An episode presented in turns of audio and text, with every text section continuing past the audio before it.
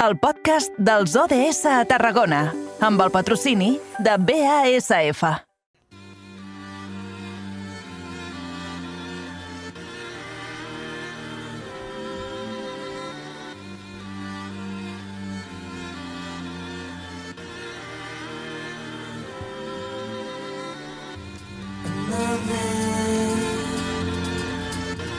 It's gonna get me down. Nothing is gonna get you down.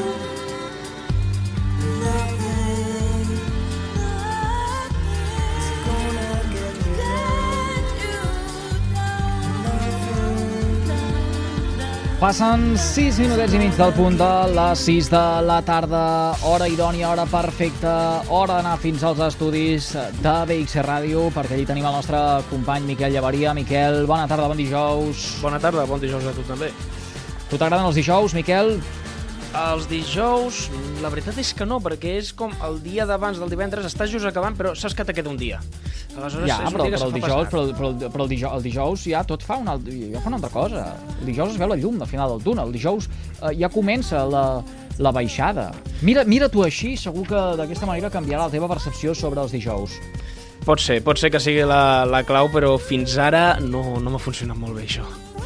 Escolta, uh, mira, doncs, per esvair una miqueta la ment uh, al llarg dels propers minuts, deixem de pensar que és uh, dijous i centrem-nos en els objectius de desenvolupament sostenible. És aquest pilar que vam començar a aixecar el passat mes de setembre, un dels puntals d'aquesta temporada, aquest camí al 2030, mentre uh, agafem aquesta declaració de les Nacions Unides. Avui ens quedem amb l'objectiu número 13, el que diu Acció pel clima.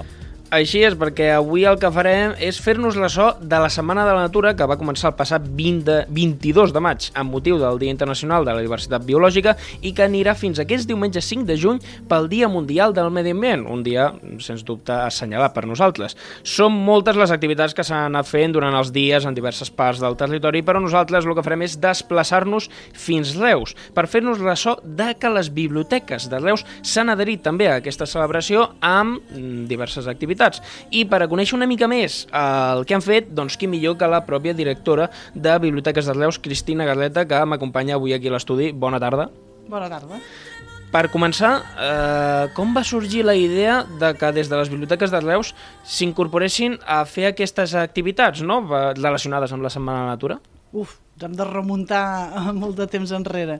De fet, som una biblioteca, que, o les biblioteques, perquè som una xarxa, som dues biblioteques a Reus, doncs que estem molt sensibilitzats per tot el tema medi, de medi ambient i, i tot el tema de l'emergència climàtica. I de fet tenim un cicle ja des de fa uns quants anys, abans de la pandèmia, ja havíem començat, que ja en diem aquest Fem Consciència, amb la idea de- d'això, de, de prendre consciència de les necessitats de que tots, des dels diferents sectors i des de, de les diferents àmbits d'actuació personal de cadascú, doncs puguem fer alguna cosa per aturar i per variar el tema de l'emergència climàtica. I com a biblioteca que som, i dipositaris d'informació de molts, amb molts suports i de molts tipus, ens semblava que era un deure que teníem intensificar la línia de difusió de, de la informació eh, relacionada amb el medi ambient.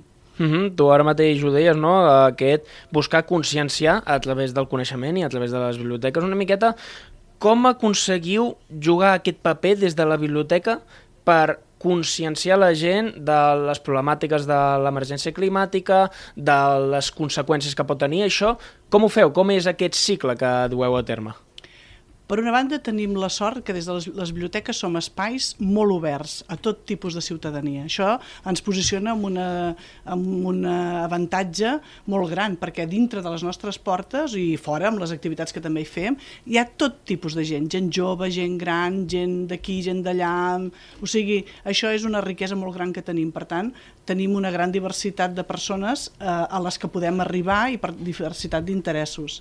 Després tenim un altre actiu molt gran, que són el fons bibliogràfic, encara que ens, ens sembla que ara els llibres, que tot corre per internet i tot això, doncs bé, el fons bibliogràfic, les revistes també, tenen un paper molt important perquè un llibre no deixa de ser un, un, un, fragment del coneixement estructurat, organitzat i que té un principi i un final amb capítols o com vulguis, no? Després també l'accés a la informació, evidentment, eh, digital, no? també, i les persones, que també són dipositàries de tot aquest coneixement. Per tant, tenim una porta oberta a tot tipus de persones i un fons eh, molt, molt divers també. I a la vegada tenim una tradició també en la realització d'activitats per al foment de la lectura o per al foment de la cerca d'informació.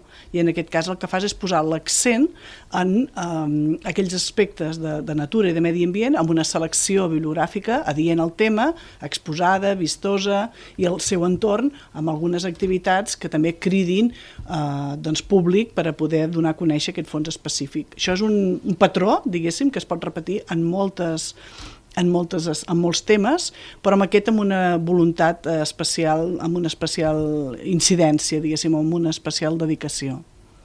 Uh -huh. I jo ara també te volia preguntar en el fet de...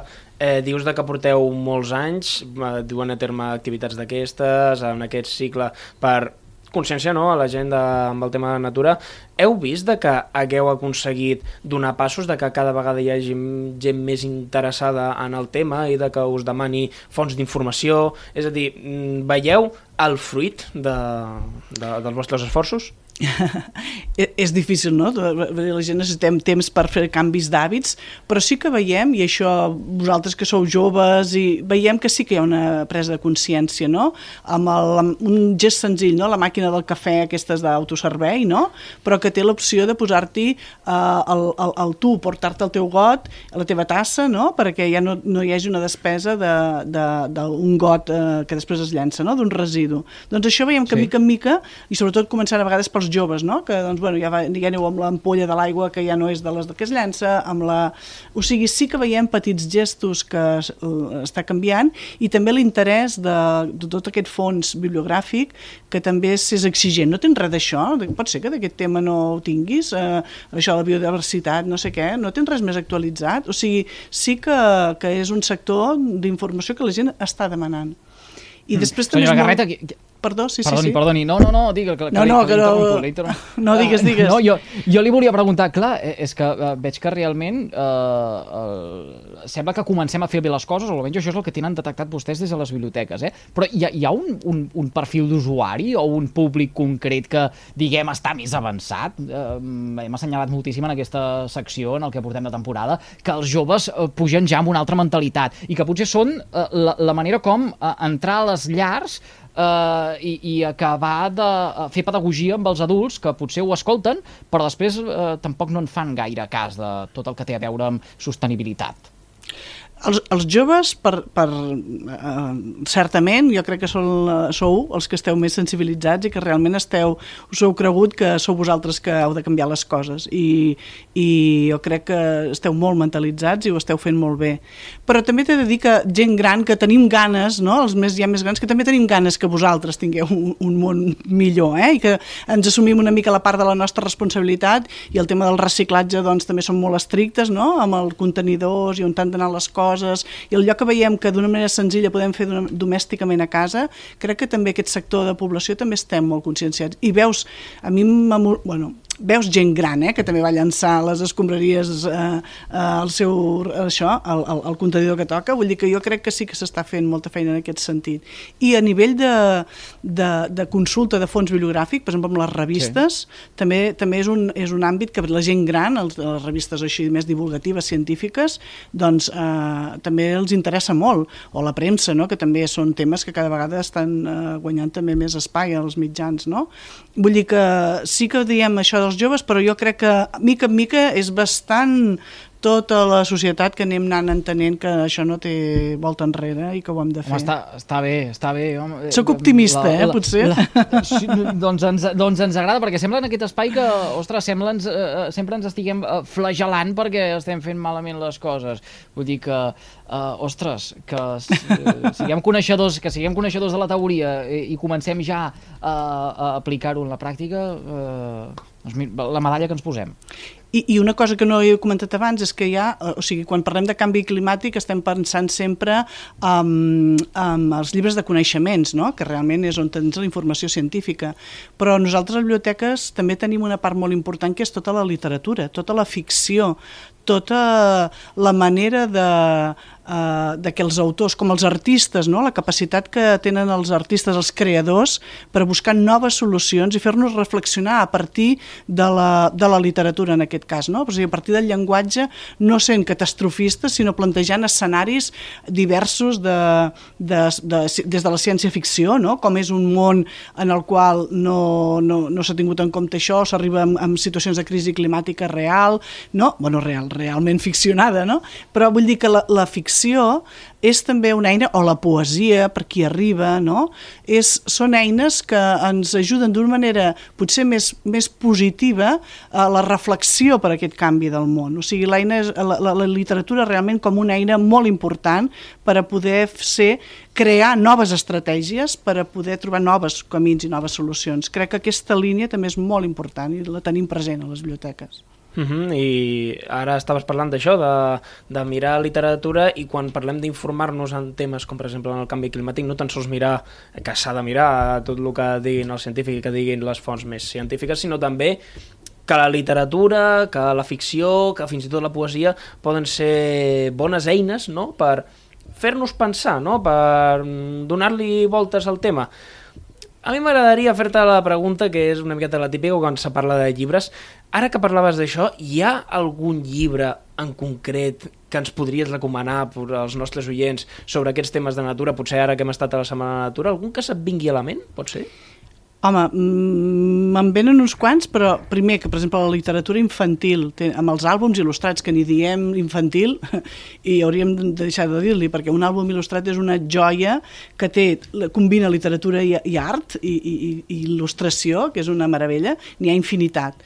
Però ara també m'ha vingut un que, a més a més, arrel de que el meu fill me'l va demanar per, per llegir-lo, que és aquest El turó de Watership, no sé si és una novel·la que ja té uns quants anys, no és pas una novetat, és un... i és una simulació de la vida d'uns conills, però aquella, entre la barrera entre conills personalitzats i conills conills i ens eh, fan adonar de la, eh, de la reflexió, et posen al nivell de la mirada d'un conill, no? en, el mig del, en el mig del bosc o quan va al cau, a buscar el cau, a buscar menjar, els seus riscos, els seus perills, posar-te la pell de l'altre, no? en aquest cas posar-te la pell d'un conill, no? amb totes les dificultats que es pot trobar, com seria també en el mar, no? amb tota la degradació del mar. No? Doncs aquest, aquest llibre el recomanaria perquè sí que fas aquest exercici de posar-te en aquest nivell i per tant prendre una mica consciència de les dificultats i les traves que podem posar sense adonar-nos-en. No?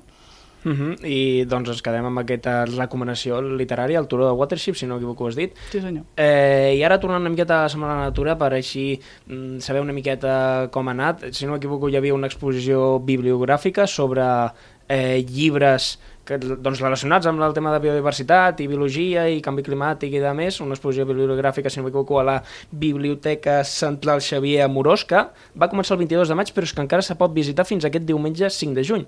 Una miqueta, doncs, hi trobarem propostes com la que ens acabes de comentar, no? Això mateix, vull dir, una mica quan hi ha una exposició bibliogràfica intentes recollir tot el espectre de, de fons bibliogràfic que tens, tant el que dèiem científic, com el també més literari de ficció, i també eh, per infants, que també és un sector que també eh, doncs inconvé no? que es vagin anant introduint amb tota aquesta temàtica i de fet tenen molta sensibilitat per la biodiversitat, eh, està clar que l'àmbit de la natura, no? els animals, les plantes, i precisament una de les activitats que hem fet en aquest cicle també és explicar contes, no? que n'expliquem sempre, que les expliquem durant cada dimecres de tot l'any, però específicament en aquestes dates, no? a l'entorn de la natura, de les plantes, dels animals, és un material ric en aquest sentit, sobre, en aquesta temàtica, no? per tant tenim molt amb què triar i per sort doncs, eh, tenim, també tenim molt, molt bona rebuda.